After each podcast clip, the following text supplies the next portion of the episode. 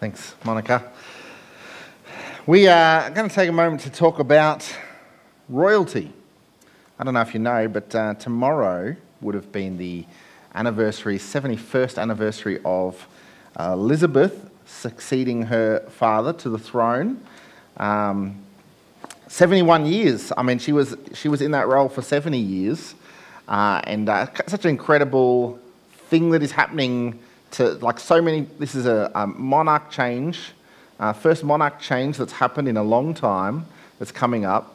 Uh, what seems strange is that somehow Meghan and Harry still seem to be able to take the spotlight of what's uh, happening. Royalty is a funny thing for us, isn't it? I mean, it's, it's strange for us in Australia uh, more than maybe even over in the UK. But just the whole idea of, of uh, kings and queens um, is a strange thing. It has a different meaning in the world today than it did um, some time ago. And it seems like it just, you know, it's, it seems more about kind of tabloids and scandals than anything else. It's been two years since, uh, or three years since Meghan and Harry announced that they were going to step out of royal duties. And um, and it, you know, when they did that, it, it sent the internet into a wild frenzy, as, as these kinds of things seem to do. People coined the phrase Megxit and uh, started talking about, you know, the memes started coming out, things like this. It says, breaking news. A 35 year old man vows to leave his parents' home and give up his allowance. Wow. Uh, this one, someone writes Meghan convinced her husband to stop being a prince. I can't even get mine to stop wearing his favourite shirt. or um, someone says, You can resign from your family. No one said that was an option. Uh, people kind of go into this, this wild frenzy about like that seems to be what we, we think of royalty as. And, and right at the moment, uh, we're looking towards Charles's coronation, I think, around May. And uh, there's questions over things like what, what is going to be printed on the new $5 bill, and, and these kinds of things are happening. But to some extent, we are left thinking, who cares? Right? Like, like what impact does that have? What's that going to mean? What's the point of royalty? It's strange as we think that way and then we approach the, the, the idea of Jesus as king and try to process what that means. Because when we kind of plug it into the, the scandal and tabloid world, it doesn't, doesn't fit at all. As we head into this next bit of John, we've, uh, we've spent a few years coming back to different sections of John, and we've actually been working our way through the Gospel of John in chunks. And uh, for the next few weeks, we're going to spend our time in this next chunk, uh, 13 to 17, and uh, th- this whole chunk in John is all the last night before Jesus goes to the cross. John spent significant time on that, uh, working through what's happening there. And it's such a profound idea to think about. Here, uh, Je- Jesus knows this is his last night. And so, as we look at all the things he says and all the things he does, uh, it's not surprising that they are very deliberate, very uh, worked out what is the last things he wants to do. And so it surprise, can be surprising to us to some extent, the things he chooses to do. I, think John gives us a great introduction to this section, um, this whole section of Jesus last night, in these first verses in chapter 13. Because in these verses, he tells us, he reminds us that Jesus knows what he's doing right? What is happening here is he hasn't temporarily forgotten that he's the Son of God, temporarily forgotten that he's God himself, temporarily forgotten that he's the King. He knows what he's doing, and he knows what's going to happen. He's motivated by love, and he does all that in such an incredibly humble and serving way. Verse 1 told us Jesus knew that his hour had come to leave this world and to return to his Father everything he is doing in this last night is working towards the cross. He knows what he's doing. he proceeds in knowledge, and he is motivated by love.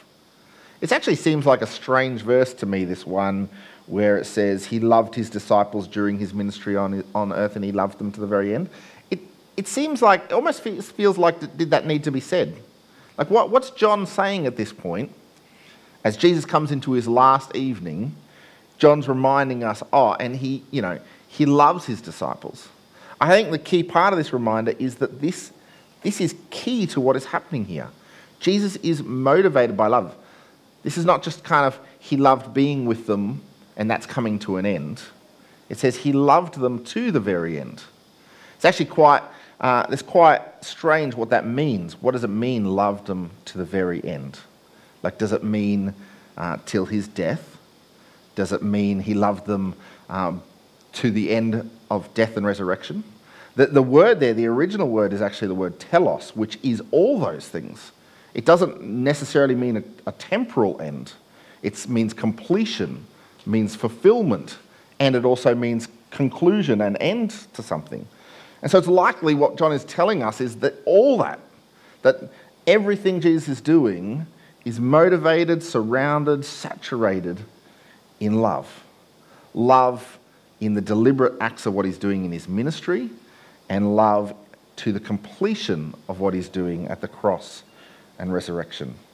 He's doing it in knowledge, he's doing it in love, and it's that picture that we then come to this story of Jesus washing his disciples' feet. And we get this amazing picture of servitude and, and humility. One of the things that stands out to me most in this passage is the contrast between Jesus' complete authority and his complete service. You see it right there in verse 3 and into verse 4. There's just this incredible contrast of authority and service. This is, let, let me read again for you. It said, Jesus knew that the Father had given him authority over everything, and that he had come from God and would return to God.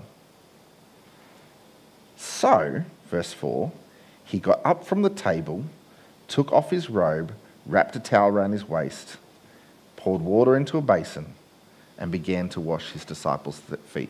This is the context that John wants to make clear to us. Jesus has authority over everything and it is in that context, John says, so he washed their feet. I mean, that's, that's not what you expect to come right after that sentence. He has all the authority. He has all the authority, so, you know, he, he marched Jerusalem with his soldiers and took over. Like, that's, that's what the disciples certainly think is coming next. But that's not the picture. It's this great contrast Jesus' royalty as king, he, he knows his royalty, but his, his, he hasn't temporarily forgotten he's king. He knows it. But this is what it means for his kingdom. His kingdom is a serving kingdom.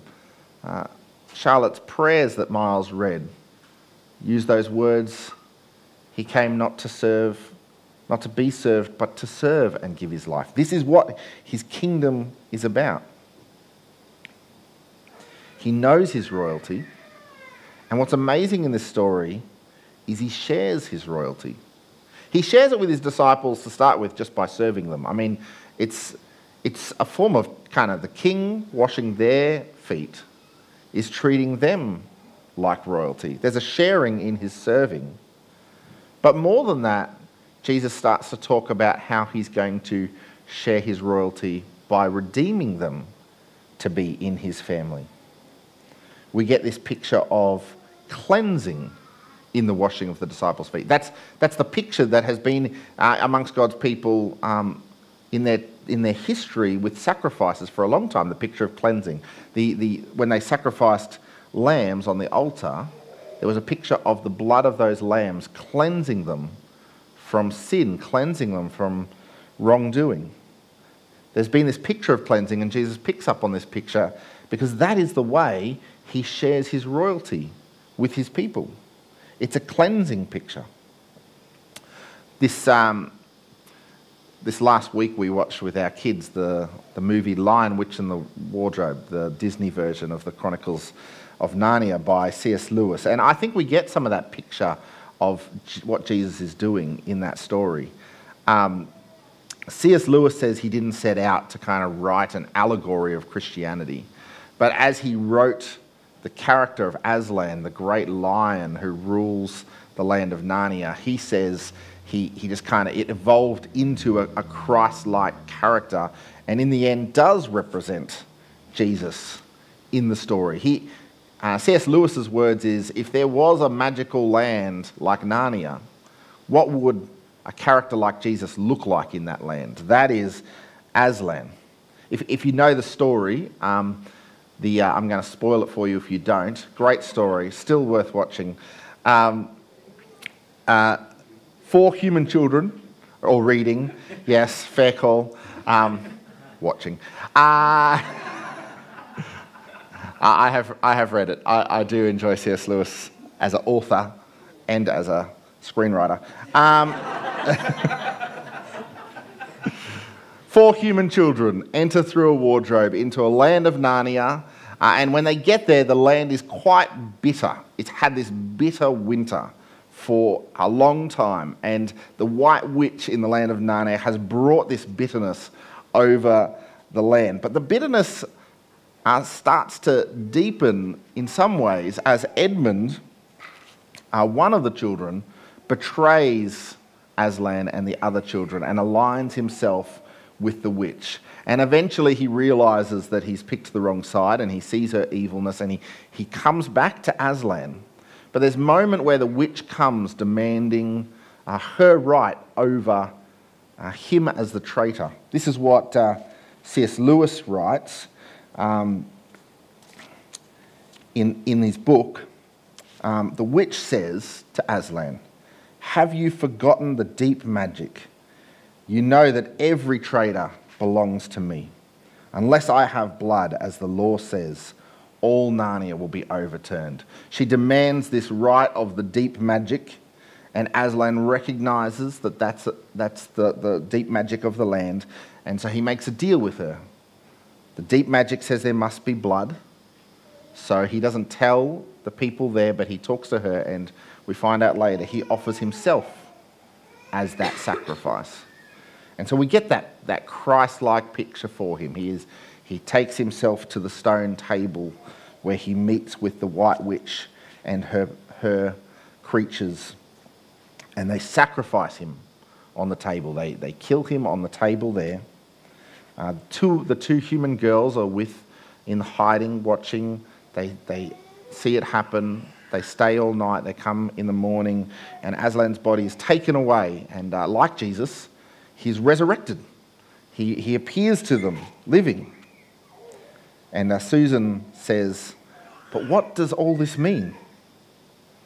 And uh, Aslan says, It means, said Aslan, that though the witch knew the deep magic, there is a magic deeper still, which she did not know.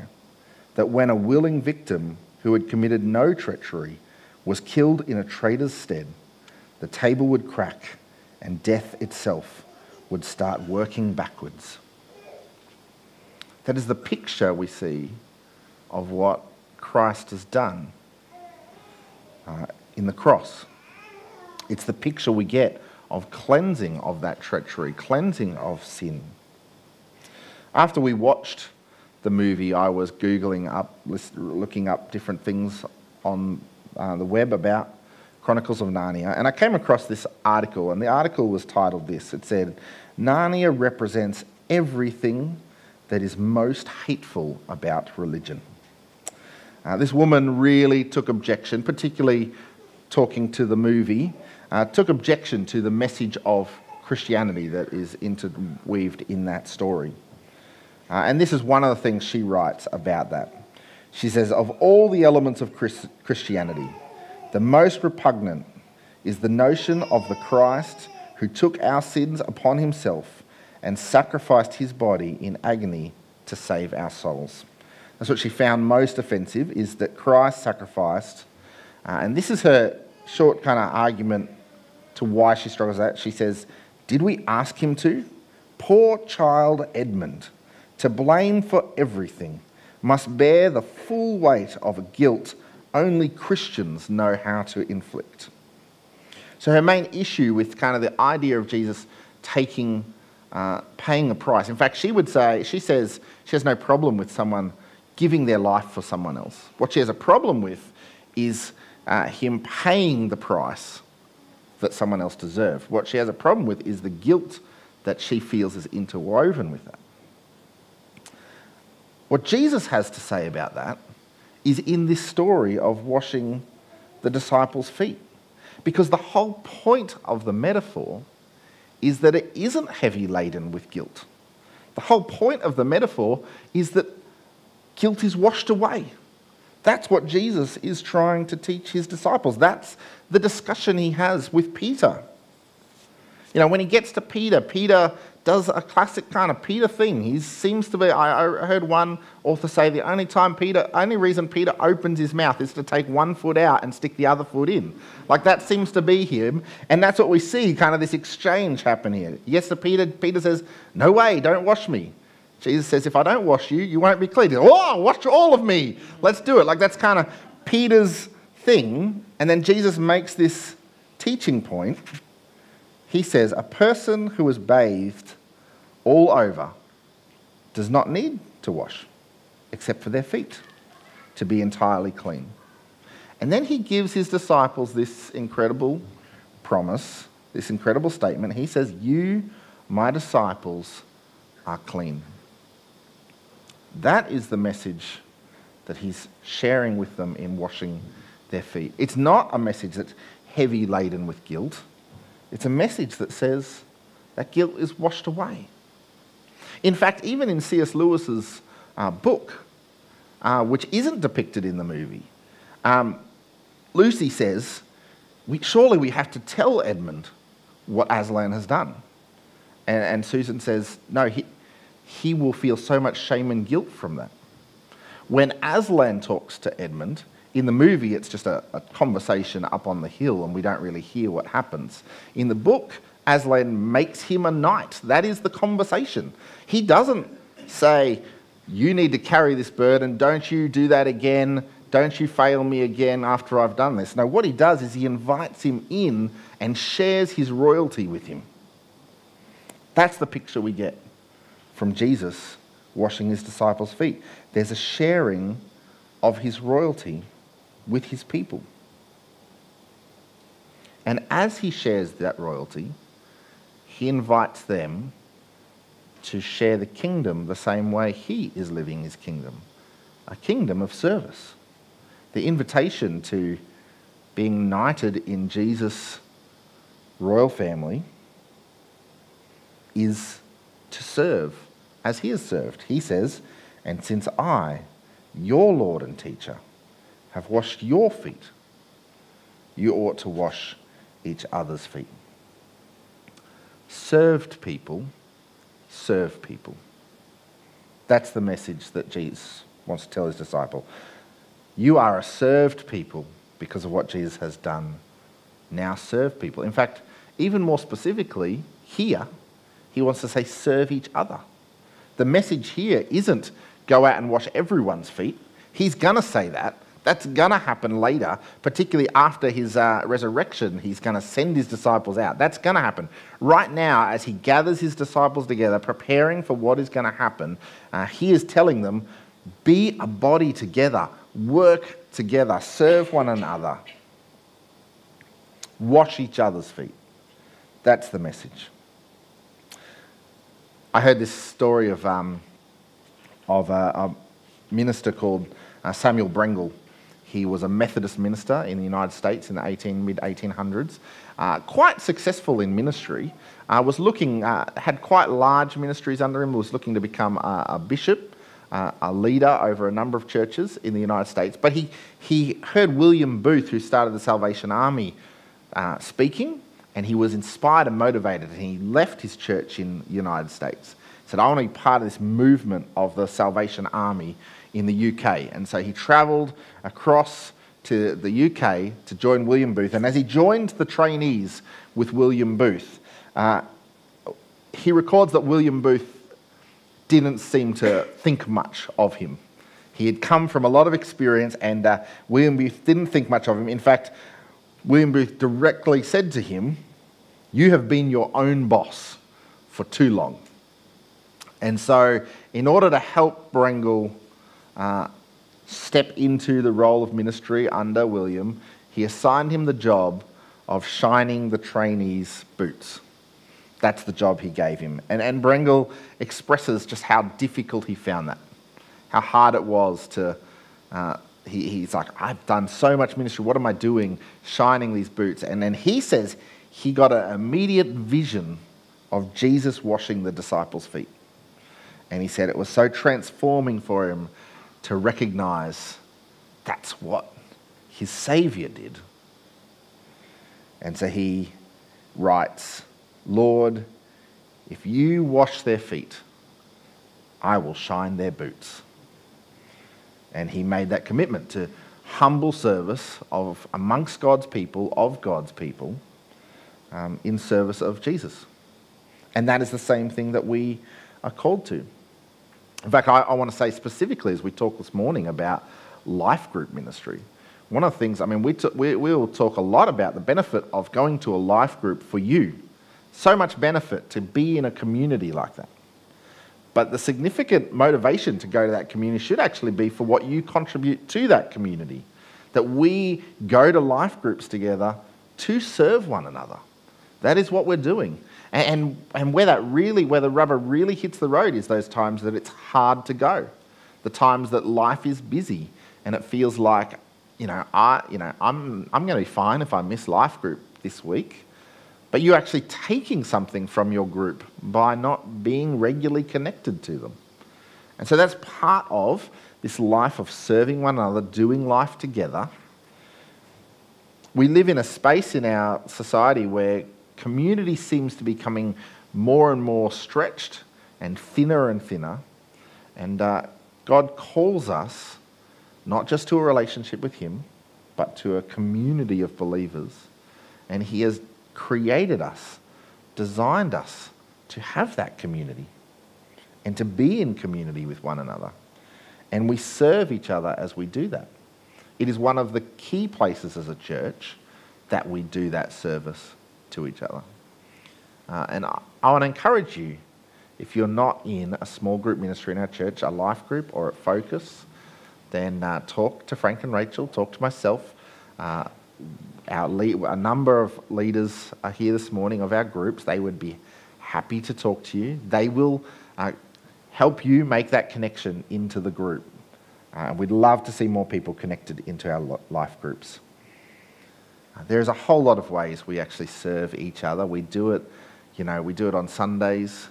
Um, we often say kind of rosters is the undervalued serving kind of framework.